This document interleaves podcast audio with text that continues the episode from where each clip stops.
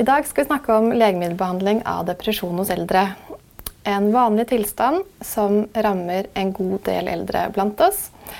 Og for eldre så kan det å eh, bli eldre arte seg litt på denne måten som bildet viser. Man får flere sykdommer, bruker mange legemidler, eh, og det kan bli litt eh, kaotisk, nærmest. Eh, som i en storm av legemidler. For Eh, det er jo ikke til å komme bort fra at eldre eh, av naturlige grunner bruker flest legemidler, og det kan bli ganske mange. Eh, I 2017 så var det 76 000 hjemmeboende eldre som fikk utlevert minst 15 legemidler hver på resept. Og samme år fikk over en halv million fem eller flere legemidler på resept. Det er mye og vanskelig eh, å vite effekten av denne blandingen av så mange legemidler. Og depresjon, eh, som vi skal snakke om i dag, hvor vanlig er det? Depresjonssymptomer er vanlig i eldre år. Eldre i sykehjem og eldre i sykehus har høyere forekomst av depresjon enn de som er hjemmeboende så vet vi også at eldre kvinner har oftere depresjon enn menn. Forekomsttallene varierer mye mellom studier, helt ned i 2% og opp mot 40 Mens eh, mange av studiene finner tall mellom 10 og 15% Vi har en nasjonal retningslinje for diagnostisering og behandling av voksne med depresjon i primær- og spesialisthelsetjenesten. Det som står om eldre i retningslinjen, er i hovedtrekk at utredning og behandling er som for yngre voksne. Imidlertid er det nevnt at man bør sette av god tid, og at eldre oftere får bivirkninger av antidepressiva, og at legemiddelbehandlingen må følges nøye. En forside i en avis hadde nylig overskriften 'Pillene triller ut til folket'. Denne grafen er hentet fra en rapport Folkehelseinstituttet har laget over salg av psykofarmaka. Det er legemidler som brukes mot psykiske lidelser. Og viser utviklingen fra 1990 og frem til 2016. Legemiddelgruppen med klart størst økning gjennom disse årene er eh, antidepressive legemidler. Og det er den eh, kurven som ender høyest eh, i 2016. En ganske klar og egentlig formidabel økning. Nå vet vi allerede at eldre bruker mange legemidler. Vi vet at eldre har høy forekomst av depresjon. Og et annet viktig forhold i årene fremover er de demografiske endringene vi står ovenfor. Levealderen øker jevnt og trutt, som dette bildet viser. Og andelen eldre kommer til å øke mye i årene som kommer.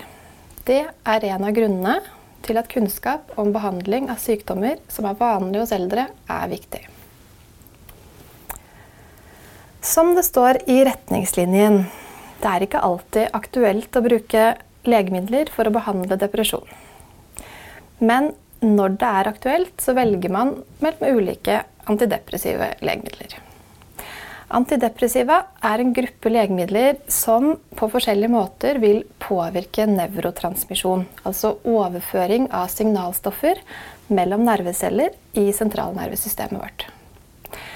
I Norsk legemiddelhåndbok finner du en oversikt nå over 21 ulike antidepressiva. Med ulik virkning og ulik bivirkningsprofil. Det er ikke slik at det er noen få klart foretrukne legemidler i denne gruppen for eldre. Men det er en generell enighet om at nyere antidepressiva er førstevalget for de aller fleste pasienter. Det kommer av at eldre antidepressiva påvirker kolinerg og histaminerg transmisjon i større grad enn de nyere. Og gir mer bivirkninger, særlig hos eldre som er mer følsomme for dette. Antikolinerge og histaminerge bivirkninger er bl.a. munntørrhet, forstoppelse, vannlatningsforstyrrelser og trøtthet. Artikkelen 'Mechanisms and Treatment of Late Life Depression' ble publisert i fjor av en amerikansk forsker som har vært sentral i depresjonsbehandling av eldre. Her gir han en oversikt over hypoteser innen utvikling av depresjon hos eldre, og også en oversikt over etablert og potensielt nye behandlingsformer av depresjon i denne pasientgruppen. For hva er det med depresjon i eldre år som gjør at vi bør være ekstra opptatt av denne pasientgruppen?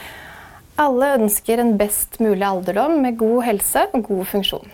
Og flere ting kan tyde på at depresjon er ekstra uheldig for en aldrende hjerne nettopp ved å øke aldringen. Det er vist at depresjon hos eldre forkorter telomerer, en struktur i hver ende av kromosomene. Denne strukturen stabiliserer og beskytter kromosomene og spiller en nøkkelrolle i kroppens aldringsprosess. Det er også mye som tyder på at depresjon setter fart på hjernealdringen. Genene våre har stor betydning for hvordan vi eldes, men også miljøfaktorer som påvirker uttrykket av gener. Sunt kosthold og trening kan påvirke genene i positiv retning når det gjelder aldring, mens det ser ut til at depresjon gir negative epigenetiske effekter på aldringen. På engelsk brukes ofte uttrykket 'late life depression' om depresjoner som oppstår i eldre år. det er et uttrykk man gjerne vil møte hvis man vil lese mer i internasjonal litteratur om dette. Og I den samme artikkelen trekker Alexopoulos frem tre ulike modeller for utvikling av depresjon hos eldre. Selv om symptomene kan være overlappende, er poenget at det er ulike mekanismer bak depresjon.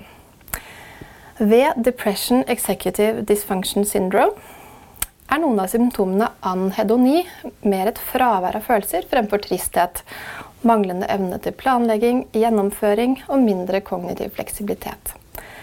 Man ser for seg at sykdomsprosesser som rammer fremre del av hjernen, og forandringer her ligger til grunn for, de, for utviklingen av de depressive symptomene. Et annet viktig begrep er vaskulær depresjon, hvor man ser for seg at cerebrovaskulær sykdom både predisponerer, akselererer og forsterker depressive symptomer. Inflammasjonshypotesen handler om at aldersrelaterte forandringer og samtidige sykdommer bidrar til utvikling av depresjon. Og ved depresjon hos eldre har man funnet økte nivåer, nivåer av markører for inflammasjon som henger sammen med depresjonsdybde. Så depresjon hos eldre, late life depression eh, Legemidler er én type behandling, men kanskje behandler man litt ulike tilstander. Det er flere modeller for, eh, for eh, sykdommen, eh, men det er en, det er samme gruppe psykiske symptomer og mye overlapp. Og kanskje kan det at det er ulik bakgrunn for å utvikle de depressive symptomene, forklare at eldre har dårligere effekt av antidepressiva på gruppenivå. Dessuten så er depresjon en ganske hyppig følgesvenn til somatiske lidelser. Det er velkjent at depresjon er nokså hyppig forekommende etter hjerte- og karsykdom, hjerneslag eh, og krefttilstander. Så det er også eh, et annet bakteppe enn å utvikle depresjon uavhengig av slike belastninger og komorbide tilstander. Så når det gjelder behandlingen med legemidler, av eldre med depresjon så er det slik at antidepressiva har effekt utover placebo. Det er forsøk hvor man sammenligner effekten av et legemiddel med det å gi f.eks. sukkerpiller uten virksomme stoffer. Når det er sagt, så er imidlertid responsraten på legemiddelbehandling lavere hos eldre enn hos yngre med depresjon. Kanskje på bakgrunn av ulik eh, årsak til disse symptomene. Så er det viktig også å nevne demens i denne sammenhengen. Alder er den viktigste risikofaktoren for å utvikle demens, altså høy alder. Og i Norge så regner man med at et sted mellom 80 og 100 000 personer lever med demens. Og antidepressiva er vist å gi liten effekt ved depresjon og demens. Legemiddelbehandlingen kan, eh, legemiddelbehandling kan vurderes hos pasienter som har hatt god respons tidligere, eller har klassiske symptomer på depresjon. Så er det noen spennende funn som tyder på at behandling med SSRI kanskje kan utsette debut av demens ved Alzheimers sykdom for personer som har mild kognitiv svikt. Både i musestudier og i kliniske studier hvor man har fulgt opp personer med mild kognitiv svikt over tid, så har man sett effekt av SSRI på uh, utvikling av Alzheimers sykdom på den måten at pasienter som brukte dette legemiddelet over tid, i mindre grad hadde utviklet demens enn personer som ikke hadde vært deprimerte og fått behandling, eller brukte SSRI kort. Det er mulig at litium også kan redusere risiko for demens ved Alzheimers eh, sykdom. Imidlertid er disse studiene få, små, og det er for lite kunnskap til å oversette dette til praksis foreløpig. Så kan man jo lure på eh, om man skal være liberale eh, med disse legemidlene. Da. Det er viktig å forebygge eh, demens hvis man kan. Men dette er jo også legemidler som har bivirkninger.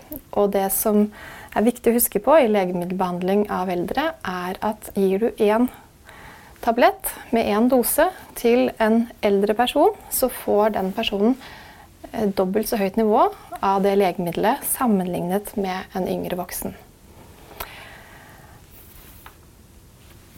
Og Antidepressiva har som nevnt en god del bivirkninger. En ganske vanlig bivirkning hos eldre er elektrolyttforstyrrelser. Mange får hyponatremi, lavt natrium i blod, eh, særlig ved bruk av SSRI-preparater. Eh, og blødningsrisikoen øker eh, også ved bruk av disse legemidlene. Mange eldre har andre tilstander som gjør at de må bruke blodfortynnende legemidler um, i tillegg. Og blødningsrisikoen øker da noe mer. Så vil jeg nevne serotonergt syndrom, som er en veldig sjelden, men nokså farlig bivirkning. Så jeg sier litt mer om det. Ved serotonergt syndrom så får man eh, kanskje ikke alle, men gjerne en god del av disse symptomene endret mental tilstand, dvs. Si agitasjon, forvirring og, og eller eh, delirium.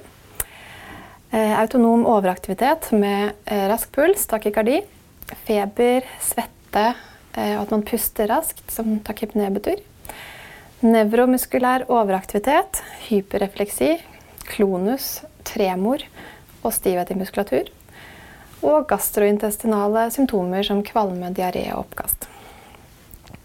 Vær særlig oppmerksom på eldre som bruker to eh, antidepressiva eller to legemidler som øker serotoninnivået samtidig.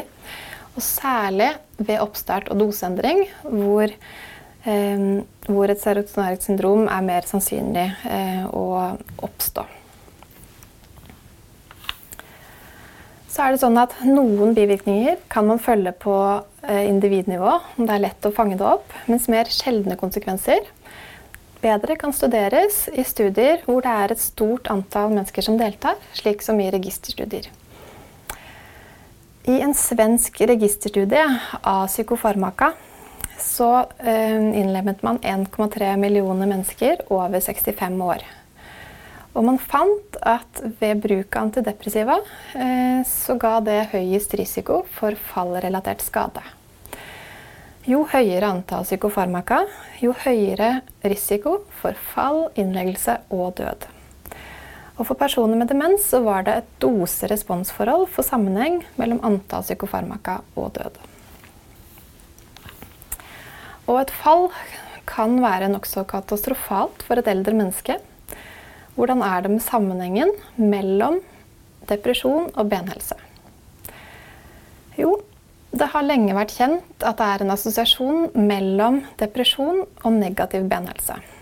Jo mer alvorlig depresjon, jo lavere bentetthet og høyere bruddrisiko.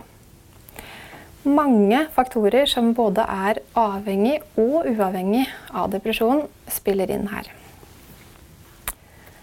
I denne oversikten, som bygger på en artikkel eh, fra Risoli og medarbeidere, publisert i Bone, så ser man eh, tydelig hvorfor det er vanskelig å vite akkurat hva som forårsaket eh, et brudd hos en deprimert eldre person.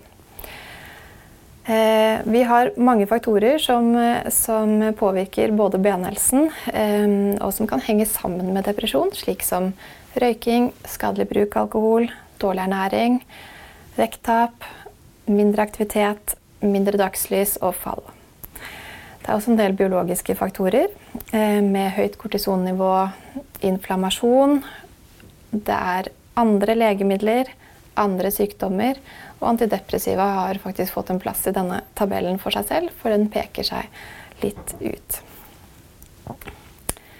Så hva skal vi gjøre når vi skal behandle eldre med depresjon med legemidler? Jo, vi skal i forkant av legemiddelbehandlingen har gjort en god utredning og være så sikre som vi kan på diagnosen.